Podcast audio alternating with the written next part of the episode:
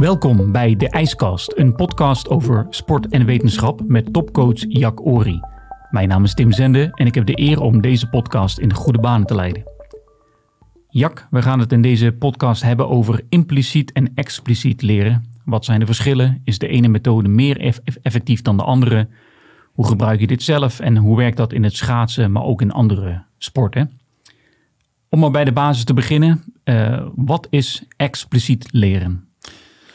Ja, expliciet leren is, is, is, eigenlijk dat je die beweging dus expliciet leert. Hè? Dat zegt het al. En dat betekent dat je um, uh, uh, iemand de beweging aan probeert te leren door te zeggen hoe die beweging uh, moet voltrekken. Dus bijvoorbeeld dat als je een, ehm, een een bal wil gooien, dat je eigenlijk zegt, dan maak ik het wel heel erg expliciet, denk ik, is dat je je arm uh, eerst uh, zeg maar uh, eh, 45 graden naar voren brengt in je schouder en dan via je elleboog hem af laat rollen en dan op het laatst nog zeg maar een, een 20 graden je pols flecteert, zeg maar. Dat is super expliciet. Ja.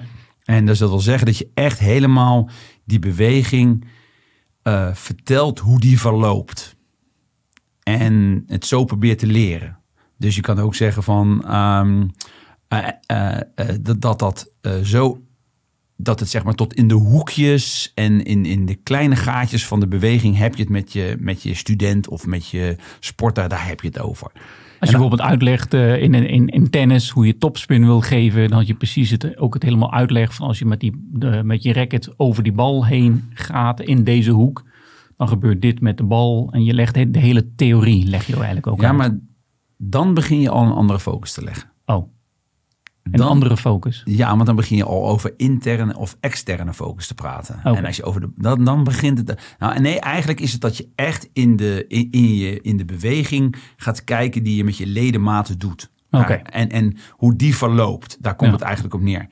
En uh, dus als jij um, een schaatslag maakt en dat je echt zegt van nee, je moet, je moet zeg maar ongeveer met je knieën 45 graden, uh, sorry, 90 graden hebben en in je onderbeen met je enkel, die, die moet daar uh, eh, 45 graden zijn. En dus dat je echt praat over de beweging die jouw ledematen uh, ondergaan, zeg maar. Snap je? Dus dat je echt de beweging beschrijft vanuit je lichaam, vanuit de bewegingen die je maakt met je segmenten van je arm of met je been of...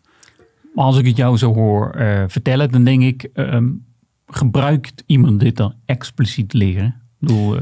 Nou ja, dat gebeurt natuurlijk heel veel. Hè? Kijk, op het moment dat jij praat over uh, dat iemand in een bepaalde hoek diep moet gaan zitten, dan ben je natuurlijk expliciet aan het vertellen wat voor kniehoek die moet ja, gaan schaatsen. Je ja. zou ook kunnen dan, kijk, en het verschil met um, impliciet leren het impliciete leren, dat ja, eigenlijk wat je ander impliciet, dan krijg je helemaal geen aan. Je, je zou het zo kunnen zien van oké, ik pak een bal en ik heb een tennisracket en ik ga net zo lang tegen de muur aan slaan. Tik, tik, tik, tik, tik, tik. Ja, door trial en error ga je dat wel een keer beter doen, want je slaat mist en je bent alleen maar bezig eigenlijk tegen die muur aan het slaan. En je denkt niet na over de beweging. Je denkt eigenlijk alleen maar na dat je die bal moet raken of zo, weet je wel. En, dat, dat, ja, dat, en dat, dan krijg je geen aanwijzing op de uitvoering van de beweging. Ja. Maar meer, uh, je krijgt eigenlijk alleen maar voor je, dat is niet wat er is, want je bent alleen maar dat balletje tegen die muren aan aan het tikken. En met expliciet leren krijg je echt aanwijzingen, misschien is dat wel een veel betere, krijg je echt aanwijzingen op, uh, op de uitvoering van de beweging. Ja. En als je die twee met elkaar uh, vergelijkt, uh, Werkt de een beter dan de ander volgens jou? Nou ja, ze zien gewoon in onderzoek, en dat zie je ook in de praktijk, dat impliciet methodieken van leren, ja, die hebben een betere retentie. Dus dat betekent ze blijven beter hangen. Um, uiteindelijk is de uitvoering van de oefening die je zo leert, die is, uh, die is gewoon, ja, die, die, is efficiënter. Dus uiteindelijk is zeg maar het hele motorisch leren via uh, impliciet leren is veel efficiënter. Hoe ben je daar opgekomen? Hoe ben je voor het eerst in aanraking gekomen met impliciet leren? Nou ja, in mijn studie. Hè. Uh, ik heb natuurlijk bewegingswetenschappen gedaan. En uh, dat was een onderdeel. Ik heb de richting gedaan toen, de, de coördinatierichting. Dus dat was gewoon een onderdeel van mijn studie. En daar kwam aan bod impliciet en expliciet leren, eh, dat werd toen gegeven door Peter Beek. En uh, ja, dus dat is, de, dat is de met de paplepel, zeg maar, als het ware, dan in mijn studie. In, uh. Maar dan heb je de, de theorie. Wanneer ben, jij, ben je dat ook meteen gaan uh, toepassen als, als coach? en zag je daar ook meteen de, de, de, voordelen van? Of is het dan een later moment gebeurd? Nee, ja, het is, het is altijd best lastig, hè, omdat het is best moeilijk. Kijk, uh, wil ik nog wel eerst even noemen. Dat is, um, je, je hebt zeg maar, wat ik net als voorbeeld gaf van het impliciet leren. Hè, dus dat je gewoon door het maar te doen ook, ook leert. Hè, ja. Zonder dat je daar die, die, die expliciete aanwijzingen over de beweging uh, voor krijgt. Um, heb je natuurlijk ook nog daar wel een andere methodiek in zitten in impliciet leren. En dat noemen ze dan eigenlijk meer um, analogie leren of met beeldspraak leren. En dat Masters heeft er ooit veel naar gekeken. En uh, dat betekent dus dat je als ware een soort moment, uh, metafoor bouwt voor de, voor de, of een metafoor vertelt voor de beweging. Bijvoorbeeld als jij met een tennisracket wil slaan en je zegt van je moet uh, slaan alsof je een, een, een, met een zweep slaat. Of als je aan het basketballen bent hè, en de worp die moet als het ware het traject van de bal voordat je hem gooit hè, in, de, in de armbeweging zeg maar eventjes, die moet als het ware een soort zwanenhals doorlopen. Als een zwanenhals. Ja. En dan zien ze elke keer weer dat um, uh, uh, in het tafeltennis, dat is ook wel een leuk voorbeeld, is dat zeg maar de topspin uh, backhand. Hè, dan zeggen ze van ja, alsof je een frisbee gooit. En dan geven ze alleen maar, geef je als het ware een soort beeldspraak mee van die beweging. En dan uiteindelijk zien ze dat dat gewoon efficiënter is, beter, een, een, een, uh, beter lijkt tot leren en, en het, uh, de retentie van dat leren, wat, wat, je geleerd hebt, ja, is gewoon, ja, is gewoon, um, uh, is, is, is uiteindelijk die methodiek daarvan, ja, die is beter. Ik zit even te denken, ik kan bij basketbal kan bedenken, bij tafeltennis ook. Welke slag doe ik met een zweepslag bij tennis? Nou, als je serveert. Oh, de service. Ja, ja. Als je, als ja. je gaat serveren en je hebt die bal, die, die moet je. Ik, ik ben heel slecht in, in, in, in die balsporten, maar toch. Het is een leuk voorbeeld. Dat is dat als je die bal omhoog gooit en je haalt uit vanaf achter. Ja, dus je weet hoe een zweep, hè. Dan, als je een zweep hebt voor je, die halen ze naar achter. En dan pats. Ja. Nou ja, en het blijkt gewoon als je. Het is alleen soms moeilijk vinden natuurlijk, hè, van zo'n metafoor voor, voor, voor een beweging. En, um, maar Ediente ja, werkt het beter dan elke keer maar vertellen van nee, je gooit eerst met je rechter linkerarm die bal op en dan beweeg je je elleboog naar achter eh, totdat je, eh, nou begin ik weer met mijn hoeken of zo, omdat dat echt leuk expliciet eh, overkomt. Maar als je echt over het bewegingsver, als je echt in het bewegingsverloop gaat zitten van die arm, ja, dan ben je het explicieter aan het maken. Ja, je zegt van het is uh, vaak moeilijk om eentje te bedenken. Heb jij er, heb jij impliciete tips bedacht, trainingen bedacht voor het schaatsen? Ja, zeker wel. Je hebt er wel verschillende natuurlijk. En uh, uh, je, je, kent toch wel zo'n metronoom. Tak, ja. tik, tak. En dan zie je ze zo overkomen. Dat is net als schaatsen. Als je naar schaatsen kijkt, is het net een metronoom die van links naar rechts beweegt.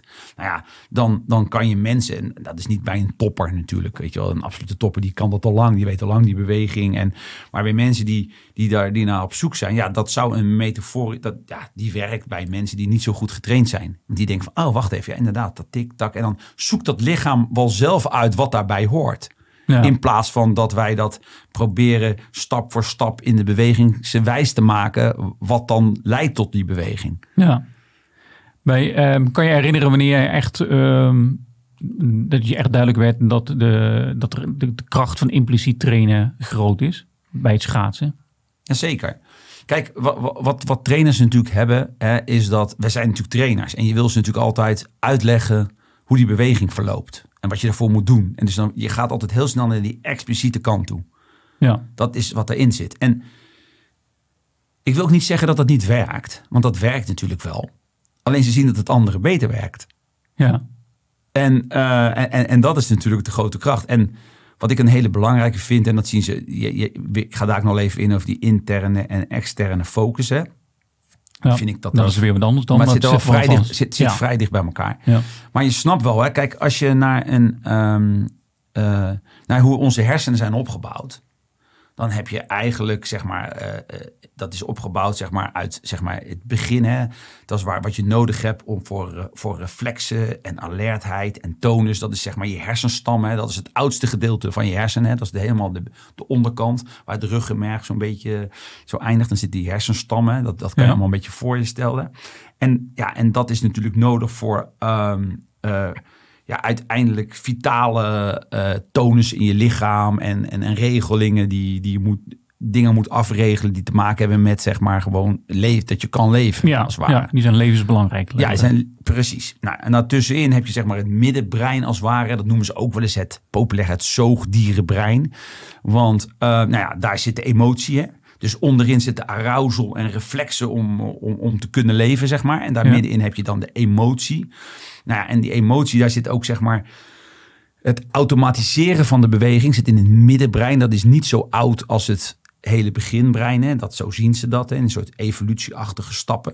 En dan heb je daarboven de cortex, hè? de, de neogebieden, de neocortex waar ze het altijd over hebben. Ja, dat is dan zeg maar de hersenschors. Ja. Ja, en daar, eh, daar zit de cognitie.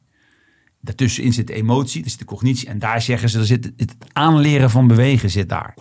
En het aanleren van bewegen, ja, dat dit, zo wordt dat over het algemeen gezien. En het automatiseren dat van... zit in de, in de cortex. Ja, dat zit in de cortex. Want dan zit de cognitie, dan kan je erover nadenken. En zo wordt dat gezien. En dan in het middenbrein als het ware.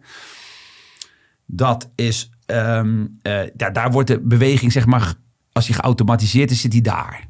Dat is bij het automatiseren van bewegingen.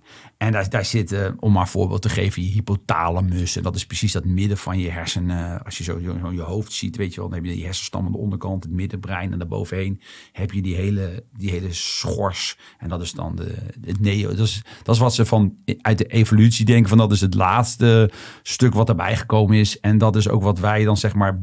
Dat noemen ze dan zeg maar meer het menselijke brein. ten opzichte van het zoogdierenbrein. Oké. Maar dan hebben we de hersenen gehad. Waar komt expliciet leren binnen? Nou ja, wat, ze dan, wat, wat natuurlijk een gedeelte van de theorie is, is dat zeg maar, als je dus expliciet iets aanleert, dan zit dat, dan zit dat meer in het nieuwe gedeelte.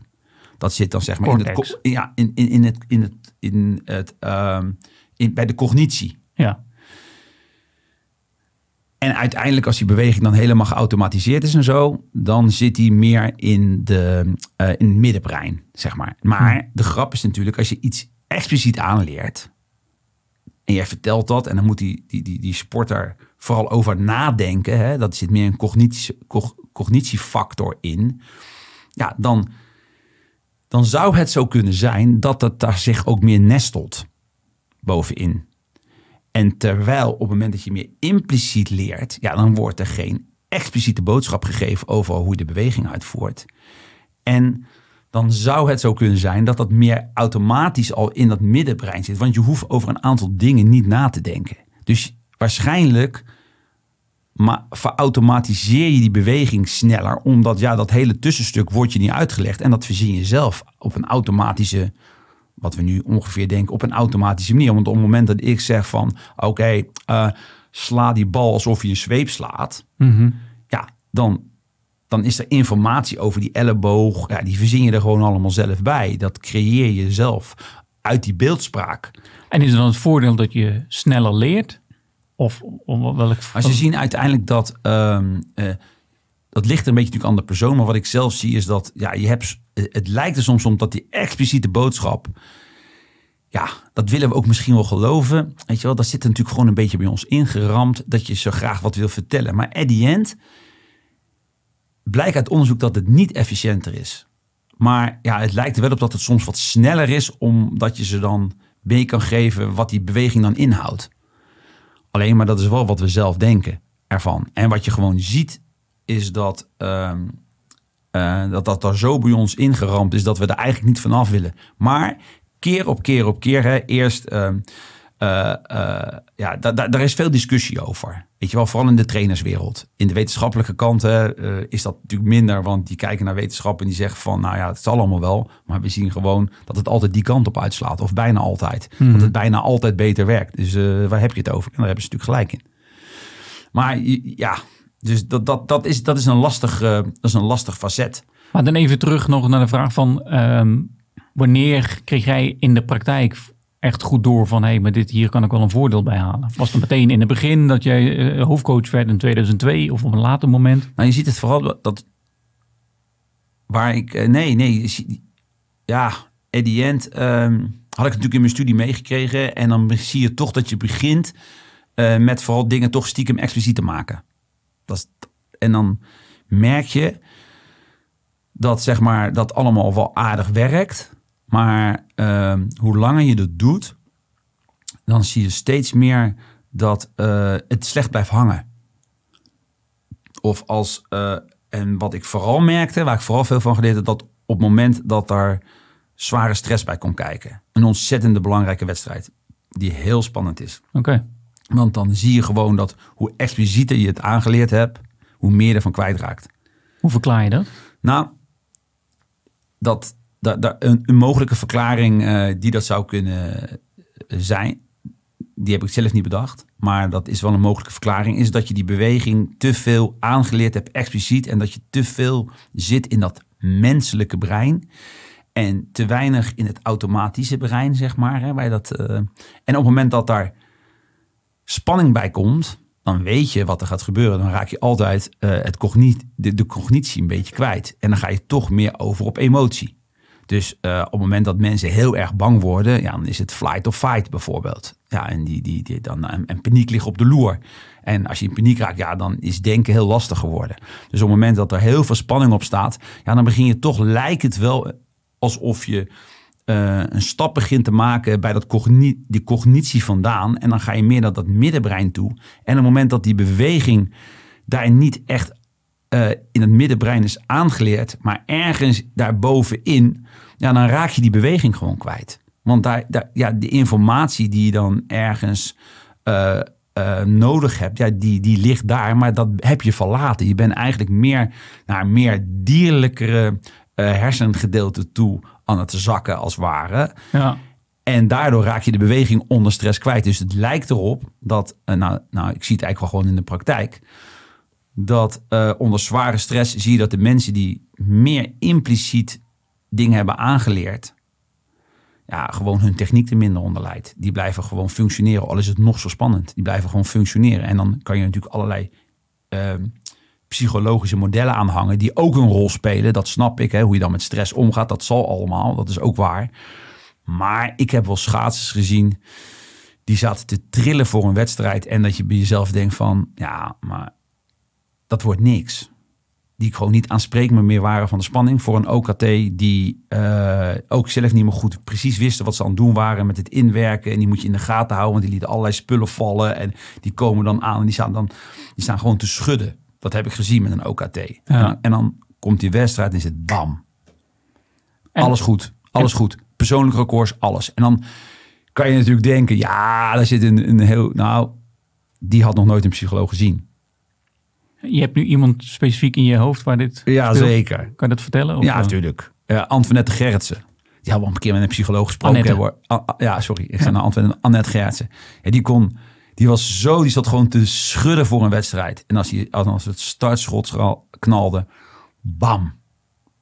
En dan deed ze het. En Ja. dan zat daar... eh, en als ze goed was natuurlijk, je bent in vorm. Ja, dan zat er geen fout in. En dan, eh, hup, podium, Olympische Spelen. Ja, die was, dat, dat kon ze echt heel goed. En dan, of het dan nog zo spannend was... En hoe wist je van dit komt doordat zij impliciete aanwijzingen heeft gekregen of impliciete trainingen? Hoe- Nou ja, kijk, ik.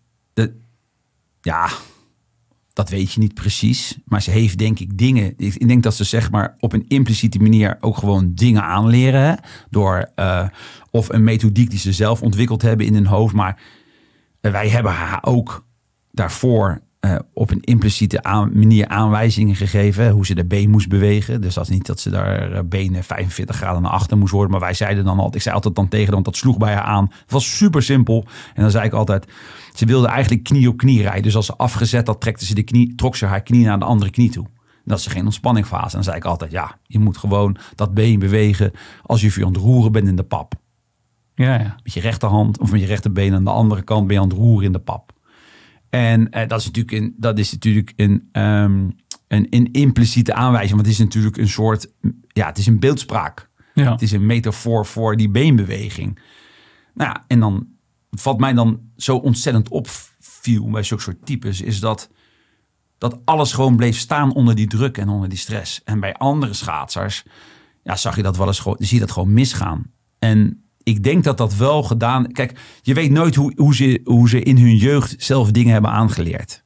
Of hoe een, een schaatser, een, een, een trainer van een club ze dat heeft aangeleerd. Mhm. En ik denk toch dat vooral. Er zijn gewoon trainers die natuurlijk ook wel. Nou, zijn er zat. En vooral bij jeugd, die toch meer naar die ehm, impliciete aanwijzingen gaan. Die een soort beeldstraak gebruiken om dat te doen Ja. plaatje, daadje, noem allemaal maar op. Hè. En die proberen een plaatje te creëren. En vooral in die tussenfase van je ontwikkeling, dan wordt alles natuurlijk belangrijker. En dan krijg je eh, eh, trainers die er op een andere manier in staan. En die willen toch te veel naar die, denk ik, so- soms die expliciete kant op zoeken. Jij staat bekend als een wetenschappelijke trainer. Dan denken velen van, oké, je bent heel veel met, met analyses bezig. En dan van zoveel graden dit en zoveel graden zus. En je moet dit, je, je kan dat tot, tot in, de, in de spiervezel uitleggen hoe je moet bewegen eigenlijk. Maar juist op de wetenschap eh, maak je ook geregeld de keuze om juist daarvan weg te blijven. En het dus heel impliciet te houden. Ja, maar ik blijf er niet weg van de wetenschap. Nee, Want nee. dat is gewoon... Dus omdat het is wetenschappelijk bewezen dat het... Ja, nou ja, dat, dat, daar zijn echt hele mooie onderzoeken voor dat het die kant wel op gaat. ja. En alleen, Nee, maar dat is ook een soort van is- andere kant van jou. Ik bedoel, Ja, het is, het, is, het is heel tegenstrijdig. Het is heel tegenstrijdig dat je dat dan daar los moet laten. En je wil het zo graag sturen. En blijkbaar is dat bij het aanleren, bij motorisch leren, ja, ligt dat toch ietsje anders. ja. En kijk, je kan er wel aan rekenen door er lekker biomechanisch aan te, aan te rekenen en kijken bij welke hoek je dan het meest efficiënt bent. Dat kan je zeker doen, die beweginganalyses. En dat doen we ook. Alleen dan moet je proberen een vertaalslag naar dat motorisch leren te maken. Die toch ja, eh, wat implicieter is dan dat jij in eerste instantie zou willen. Ja. En daar zal ook wel een soort continuum in zitten. En er zal ook individuele verschillen in zitten. Want er zijn ook wel mensen die maken waarschijnlijk dan zelf de omslag naar iets impliciets. Hè. Dus als je wat vertelt, dan zou het ook kunnen zijn dat ze er zelf een beeldspraak van maken in hun hoofd. Ja, dat zijn allemaal factoren die zullen allemaal meespelen. Maar hoe je het went of keert, ehm, eh, het is alleen vaak zoeken. Het, en het, soms dan zoek je naar een manier om te denken van... oké, ja, maar hoe zou ik dat nou op een impliciete manier... hoe zou ik nou een soort eh, analogie kunnen bedenken... In, in, in, om die beweging maar te laten verlopen. Nou, en dat is, wel, dat is soms wel heel lastig. ja.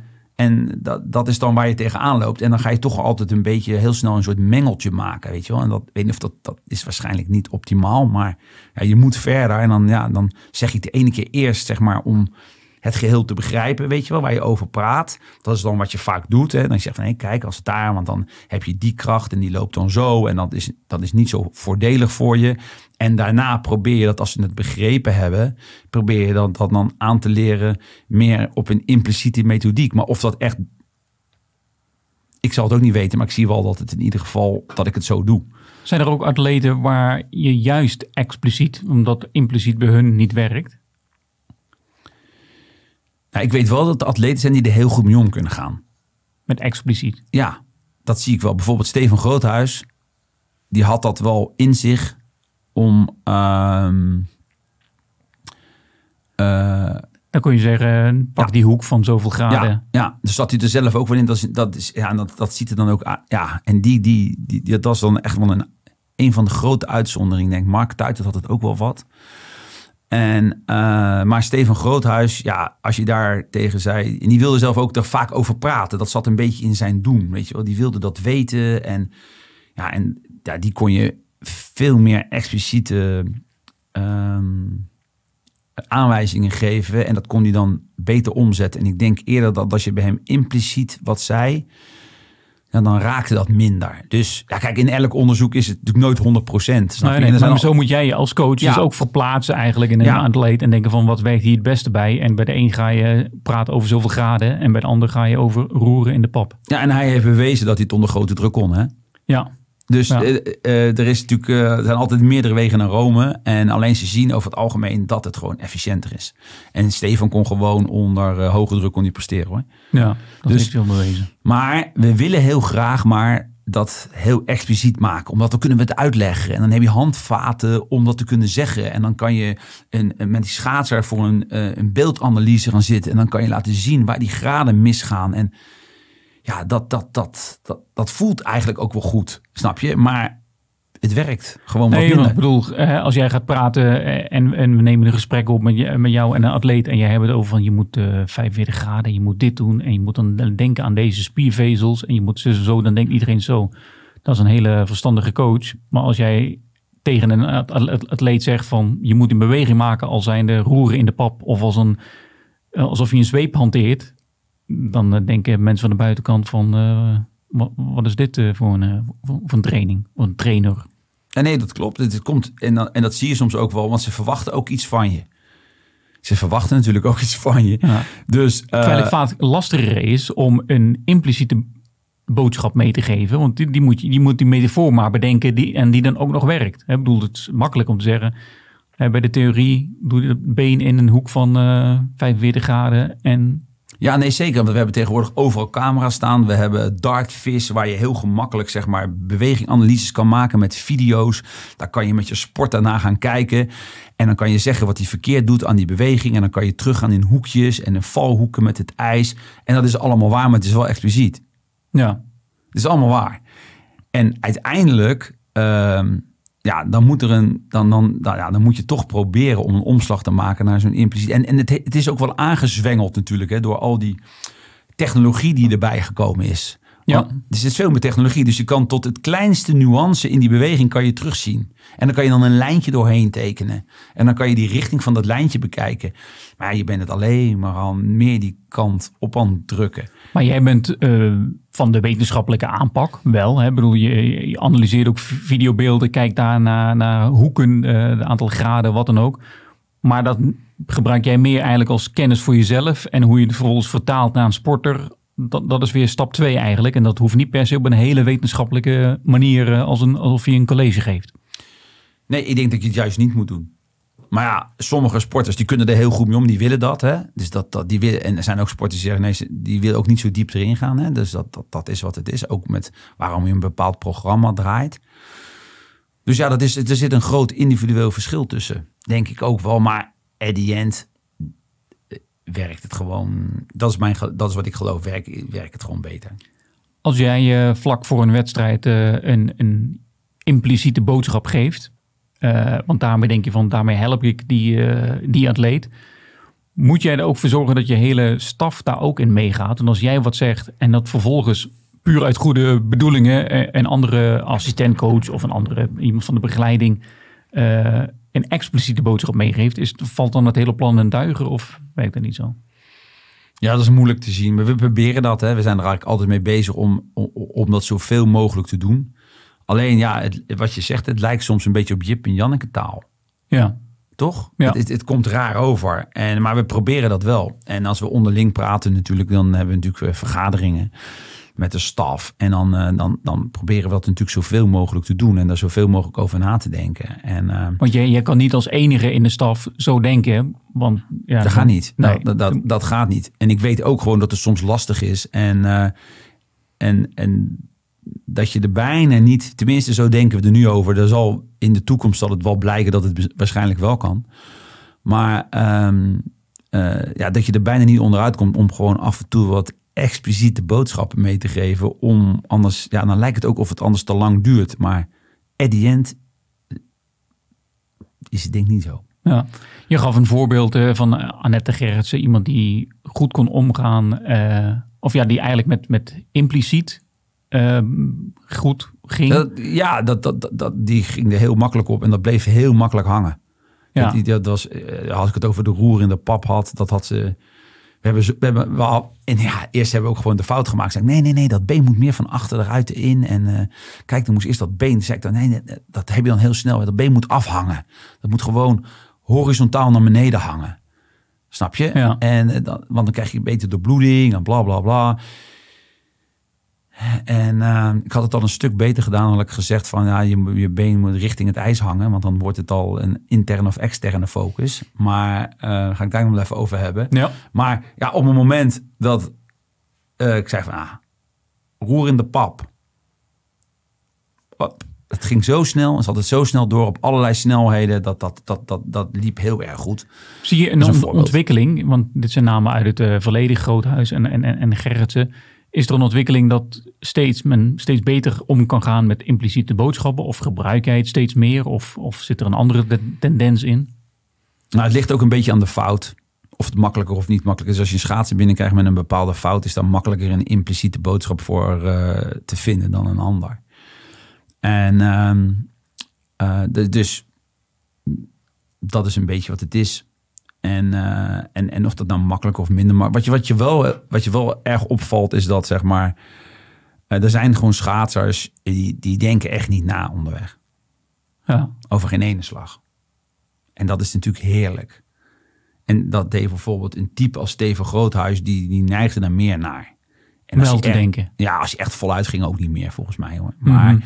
maar je ziet wel dat ze dat, in, dat ze dat eerder loslaten. Die rijden gewoon, die rijden. Ja, En die hebben een soort ehm, beeld van hoe dat is. En dat past dan in dat beeld.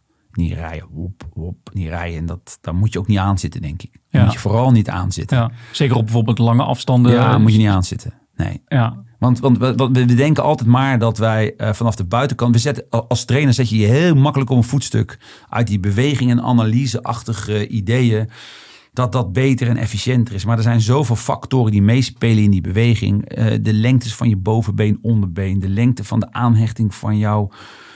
eh, eh, van jouw spieren, waar ze aanhechten, de lengte van de pezen, de, de, de, momenten die je hebt van nature in je gewrichten.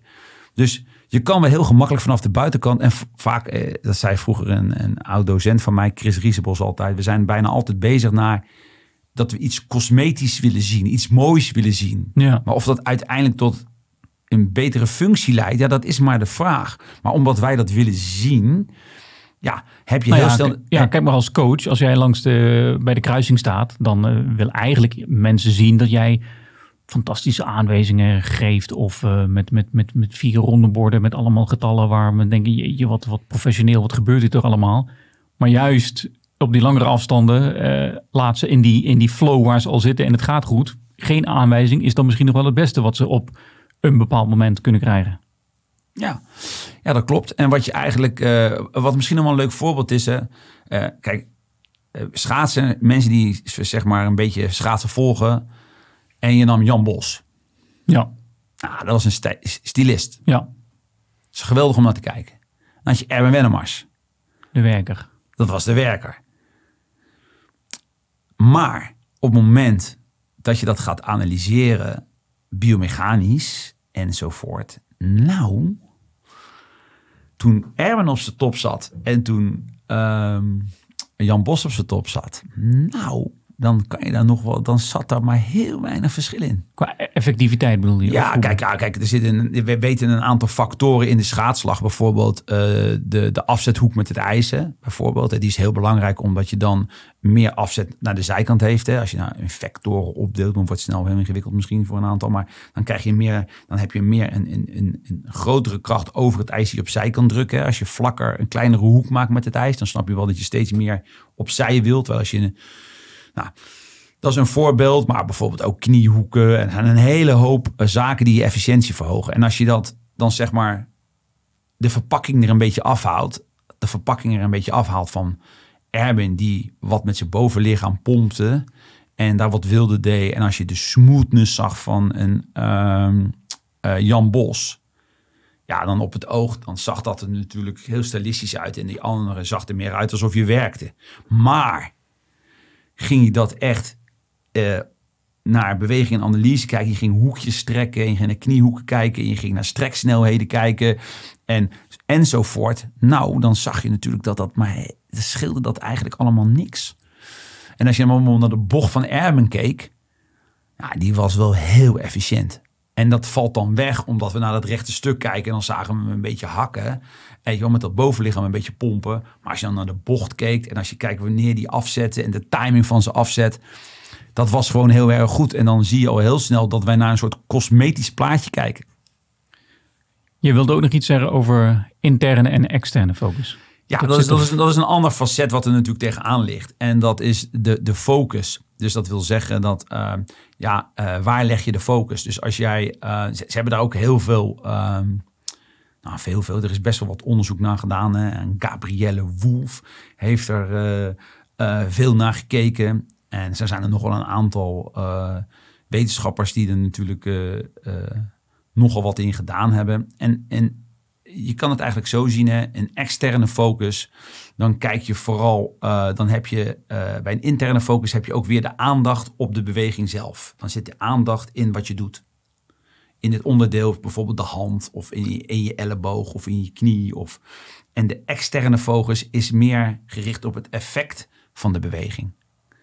Dus waar dat, waar dat plaatsvindt. Dus als jij ehm, een. We hadden het over tennis, over die, eh, die spin Nou bijvoorbeeld. ja, b- ja, bev- wat een hele makkelijk is, is, is deze. Het eh, basketbal. Je kan aan de ring van de basket denken. ja. Hè, ring, daar moet hij in. Of je denkt aan eh, wat je polsbeweging moet zijn. Dus dat je in je hand denkt. ja, ja. Dat, dat, dat is een hele makkelijke. Dan, dan zie je, en dat zie je ehm, met tennis is dat ook zo. Kijk, met schaatsen kan je, eh, kan je bijvoorbeeld ehm, gaan bedenken van... ik moet eh, druk in mijn voet voelen met afzetten. ja. Dus dat je, dat je concentreert op wat je in je voet voelt. En, en daar aanwijzingen op, op, op geeft. Maar je kan ook bijvoorbeeld denken van... ja, nee, ik probeer het ijs opzij te drukken. Dan, zit ik van, dan ben ik niet meer in mijn voet bezig. Maar dan ben ik in het ijs bezig. En dan gaat je lichaam zelf al tussen bedenken wat dat dan is. Ja. En die focus, ja, die, die, die is echt heel belangrijk. Ze zien dat tegenwoordig in allerlei taken terug. Hè. Ze hebben bijvoorbeeld naar evenwichts, evenwichtstaken gekeken. En eh, springtaken. eh, nou, van, allerlei, van allerlei taken hebben ze bekeken van waar je nou die focus legt. Bijvoorbeeld als je op zo'n wiebelplatformtje staat. ja. Dan kan je in je voet denken waar die voeten heen gaan. Of je gaat kijken van... ehm, eh, je kan bedenken waar het wiebelbord heen gaat. Dus dan leg je focus in het wiebelbord. En dan kan je, daar, daar, leggen ze- daar kan je dan zeg maar ook nog zo'n eh, waterpasje als het ware inleggen. En dan zie je waar het belletje bijvoorbeeld heen gaat. Hè? Ja. En dan daar gaan, dan, dan heb je je focus in het bord. Of je probeert je voeten in de gaten te houden waar die heen gaan. Nou ja, dan zien ze dat die focus in je voeten dat minder doet dan het focus in het bord. En zit dan bij externe focus, zit daar een, een link met impliciet leren? Ja, nou kijk, je, wat je natuurlijk hebt, is dat je weer, als je, als je kijkt ehm, eh, naar, naar hoe die hersenen zijn opgebouwd, dan snap je wel dat als je een, inter, een externe focus hebt, dat, je, dat dat hele stuk wat ertussen zit, dat gaat automatisch. Daar denk je niet over na. Dus, dus En dan heb je het over de externe focus, het stuk tussen de basket en de bal. Ja. Hoe moet ik het zien? Ja, dus als jij, als jij, als jij aan. eh, eh, maar je kan ook dit doen, hè? Dus bijvoorbeeld, ze hebben ook springtaken gedaan en miktaken. Ehm, Nou ja, dat is met, met, met, basketbal toch? Je mikt. ja, ja, precies. En eh eh Sartre, die heeft, daar, heeft er veel naar gekeken. En dan, dan zie je dat als je maar, als je maar op dat doel bent. Het is natuurlijk ergens wel logisch, maar het is toch wel heel interessant. En ehm, wat, wat je bijvoorbeeld ook ziet, hè, is dat eh, met, met krachttaken zie je het, maar ook met springtaken. Dus als bijvoorbeeld, als, als jij hoog wil springen, dan weet je dat je maximaal moet afzetten, toch? Je wil hoog Ja. springen. Ja. Maar op het moment dat je je concentreert op zeg maar een lat wat je aan moet tikken boven je hoofd. Of je concentreert je eh, op eh, je vingertoppen. Terwijl je toch weet dat je, je denkt ik spring maximaal, toch? Ja. Ik zet gewoon zo hard mogelijk af. Maar op het moment dat je je concentreert op de lat waar je heen wil tikken. Heb je van die apparaatjes voor. Hè? Dat zijn allemaal van latjes boven elkaar. En als je dat tegenaan slaat, dan springen er een aantal latjes weg. En dan weet je precies de hoogte. Want die bleven staan, dat was dan, dat was dan de hoogte die bleven staan. Ja. Snap je? En dan zie je al dat als je je focus legt op, op de latjes waar die aan wil slaan, te- daar tegenaan wil slaan, ja, spring je gewoon hoger. Dan wanneer je denkt van, nou, ik wil met mijn vingertoppen, mijn vingertoppen wil ik, met mijn dat je je concentratie in die vingertoppen legt. ja. Nou, dan, Of in je voet. of in je voet of wat dan ook. Of, Ja. Dan zie je gewoon dat je minder hoog springt. Nou, en dat zien ze in allerlei taken maar terugkomen. Want dit is dus ook eh, niet alleen bij het schaatsen geldt het dat impliciet eh, leren eigenlijk beter werkt, langduriger werkt en ook onder stress eh, werkt. En dat geldt ook eigenlijk bij externe en interne focus. Ik bedoel, dat, is, dat geldt eigenlijk bij, bij elke sport. Dat dat werkt bij elke sport. Ja, Ja. nee, zeker. Dat, daar lijkt het wel op. Hè. Ze hebben het nou bij zoveel taken al. Ook bij cyclische bewegingen zien ze. Want eerst, kijk, als je op een evenwichtsplatformje staat, is het natuurlijk niet cyclisch. Maar als jij in cyclische beweging, daar bedoel ik mee hardlopen, eh, schaatsen, Nou ja, eh, zwemmen. eh, bijvoorbeeld bij zwemmen hebben ze bijvoorbeeld gekeken dat ze het eh, water naar achter moeten drukken. Dus Ja. Dat je water wegdrukt of zoiets. Nou. En als je, als je dat als boodschap meegeeft dat je water wegdrukt, ja, dat ligt wel buiten jezelf. Ja. Dat zit niet in jezelf. Dus dat hele stuk wat ertussen zit, ja, dat, ga je toch, dat gaat toch meer automatisch verlopen. Dus die focus ligt anders. Dus, ja, en dat, dat, dat maakt het wel, eh, wel heel sterk. Wat ze bijvoorbeeld ook gedaan hebben, wat een hele leuke is, is dat eh, met, met, met, met golf, om golf aan te leren, dan hadden ze ergens een soort cirkelvormig dingetje gemaakt. En dan moest je dan eh, op een aantal meter afstand moest je dat balletje erheen tikken. En dan hadden ze bij de ene groep gezegd van eh, je moet letten op eh, de swing van de club. En bij de, en de, dus bij de ene groep, sorry. Ja. En bij de andere groep zeiden ze de swing van je arm. Ja. Nou, dat is toch wel een mooi voorbeeld, toch? Ja. Nou, de swing van de club deed het beter dan de swing van de arm. Ja, ja. En eh, eh, als had jij dat nou geweten ooit, Tim, met tafeltennis, weet Ja, je wel. had een hoop, Potverdikkie, had mij een hoop jongen. successen kunnen opleveren. Een Chinees had je allemaal ingepakt. Ja. Maar, ehm, maar dus dat, dat is een heel mooi voorbeeld, vind ik daarvan. Dus dat je, dat, dat je, als je het buiten jezelf als ware zoekt, ja, dat, dat, dat stukje automatisch wat daarin zit. Want ja, je, kijk, wat je eigenlijk doet natuurlijk, ook als trainer met impliciet en expliciet, vind ik. Dat is dat je eh, eigenlijk eh, in dat patroon van bewegen ga je zitten interfereren. Want dat patroon, bijvoorbeeld als jij een, een bal slaat, waar we het over hebben, ja, dan zit daar een heel stuk coördinatie achter tussen die ledematen, al die spieren, die moeten antagonisten die elkaar tegenwerken, meewerken. Die moeten allemaal, dat moet allemaal afgestemd worden. Dat moet Mhm. allemaal afgestemd worden om uiteindelijk die beweging te kunnen maken. En wat we dan doen, dan zeggen wij vanaf de achterkant die elleboog. Die elleboog. Maar je moet toch ook eh, En- en- de basis leren? Ja, zeker, zeker. Dus dat is altijd de vraag. Hè? Dat is ook wat elke trainer zegt. Dus elke trainer die zegt ook van... ja, maar dat duurt veel te lang. En eh, je moet toch ook de basis leren. Dat is een, zeker een goed punt. En dan is het toch veel sneller om ze eerst even te zeggen... hoe dat plaatje eruit moet zien. Toch? En dat kan toch aan de hand van hoeken bijvoorbeeld. Ja. Ja, Ehm, daar lijkt het op. Dat, Dus dat, dat, zou kunnen dat, dat je in de jeugd een bepaalde basis moet krijgen en vervolgens kan je meer, beter die stap maken naar... Nou ja, naar- kijk, eh, als je bijvoorbeeld iemand een positie wil aanleren, dan kan je natuurlijk wel zeggen, je moet door je knieën zakken. Dat is natuurlijk een interne focus, je knieën. Je gaat nu je knieën zakken. Ja. Dat is een interne focus. En eh, dan ga je aan de ledematen denken. Maar je kan natuurlijk ook zeggen tegen zo'n schaatser, eh, beweeg je navel naar het ijs.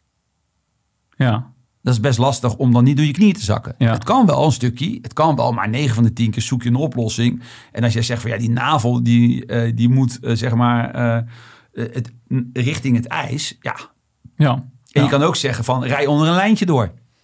ja. Rij onder een lijn door. De- de- Of een denkbeeldige lijn. Maar je kan ook een lijn spannen. Weet je wel, eh, ja, dat werd vroeger ook gedaan. Mijn broer deed het ook wel. Dat we over een lijn heen moesten springen. Of onder een lijn bij de jeugd. Ja, dan beweeg je onder een lijn door. Maar ja, dan zou je toch diep moeten zitten. ja. Ja, En als je iemand gaat kopiëren, nadoen, zeg maar, doe mij na, ik ga nu door mijn knieën, doe hetzelfde en je, en je kijkt naar diegene.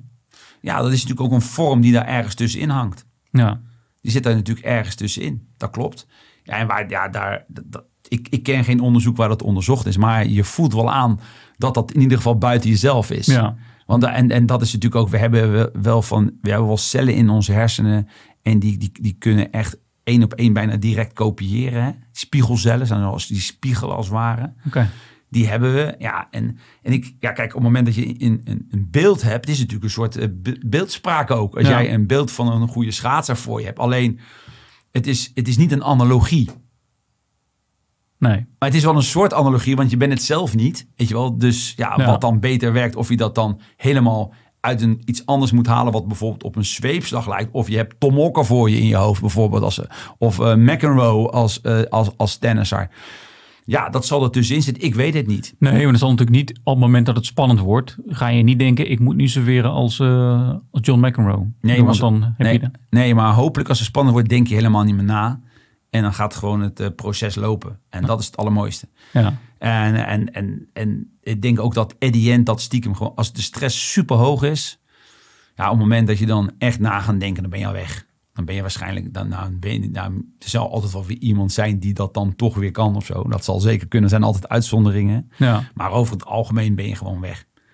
Ben je de afgelopen jaren steeds meer de kracht gaan inzien van impliciet trainen? Jazeker. Zeker. En, dat, en hoe lang, ik, ik wist het natuurlijk al, al lang, weet je wel, want het is niet nieuw, hè. Het, het, is eh, pff, 1998 eh, waren er al lang onderzoeken van Gabrielle Wolf en eh, noem zo allemaal op, en nog eerder ook. Alleen, het gaat, het is toch een beetje tegen je intuïtie in die je aangeleerd hebt als hoe, hoe de les gegeven wordt in het algemeen. Ja, Want je wil dat mensen leren. En ja, blijkbaar. Kijk, het is natuurlijk ook zo dat als. Dat is natuurlijk altijd wel een beetje het leuke. Hè? Ik had het net over zeg maar het neo, het paleo en het archi-niveau. Hè? Dus zeg maar dat nieuwe, het middenbrein. Nou, als je dan zeg maar dat middenbrein neemt, die zoogdieren. Snap je? Het zoogdieren. Ja. Ja, die leren natuurlijk ook gewoon beweging aan. ja. Die, die ah, skateboarders al een beetje lastig worden natuurlijk. maar die leren natuurlijk ook beweging aan. Efficiënt. ja. En we, we, kunnen van, ja, dus, ja, en dan, dan, ja, dus dan zie je wel dat, en de waarheid, ik, ik denk niet dat eh, expliciet leren altijd slecht is, helemaal niet. Helemaal niet. Ik denk ook zeker dat het, dat het zijn vormen heeft. En dat, dat, dat geloof ik wel. Het is alleen dat het gevaarlijk omdat ik het graag wil geloven, omdat ik dan toevallig trainer ben. Maar dat is, dat is wat mijn gevoel zegt. Maar at the end, motorisch leren is, is impliciet eh, leren toch uh, blijkt elke keer efficiënter te zijn. En daarom kan een eh, zeer wetenschappelijke coach gewoon een advies geven aan een pupil van ga roeren in de pap. Ja, het komt raar over, of niet? Zeker, zeker. Hiermee zijn we aan het einde gekomen van weer een podcast over sport en wetenschap, de Icecast, eh, met Jack Ori. Dank voor het luisteren. Tot ziens.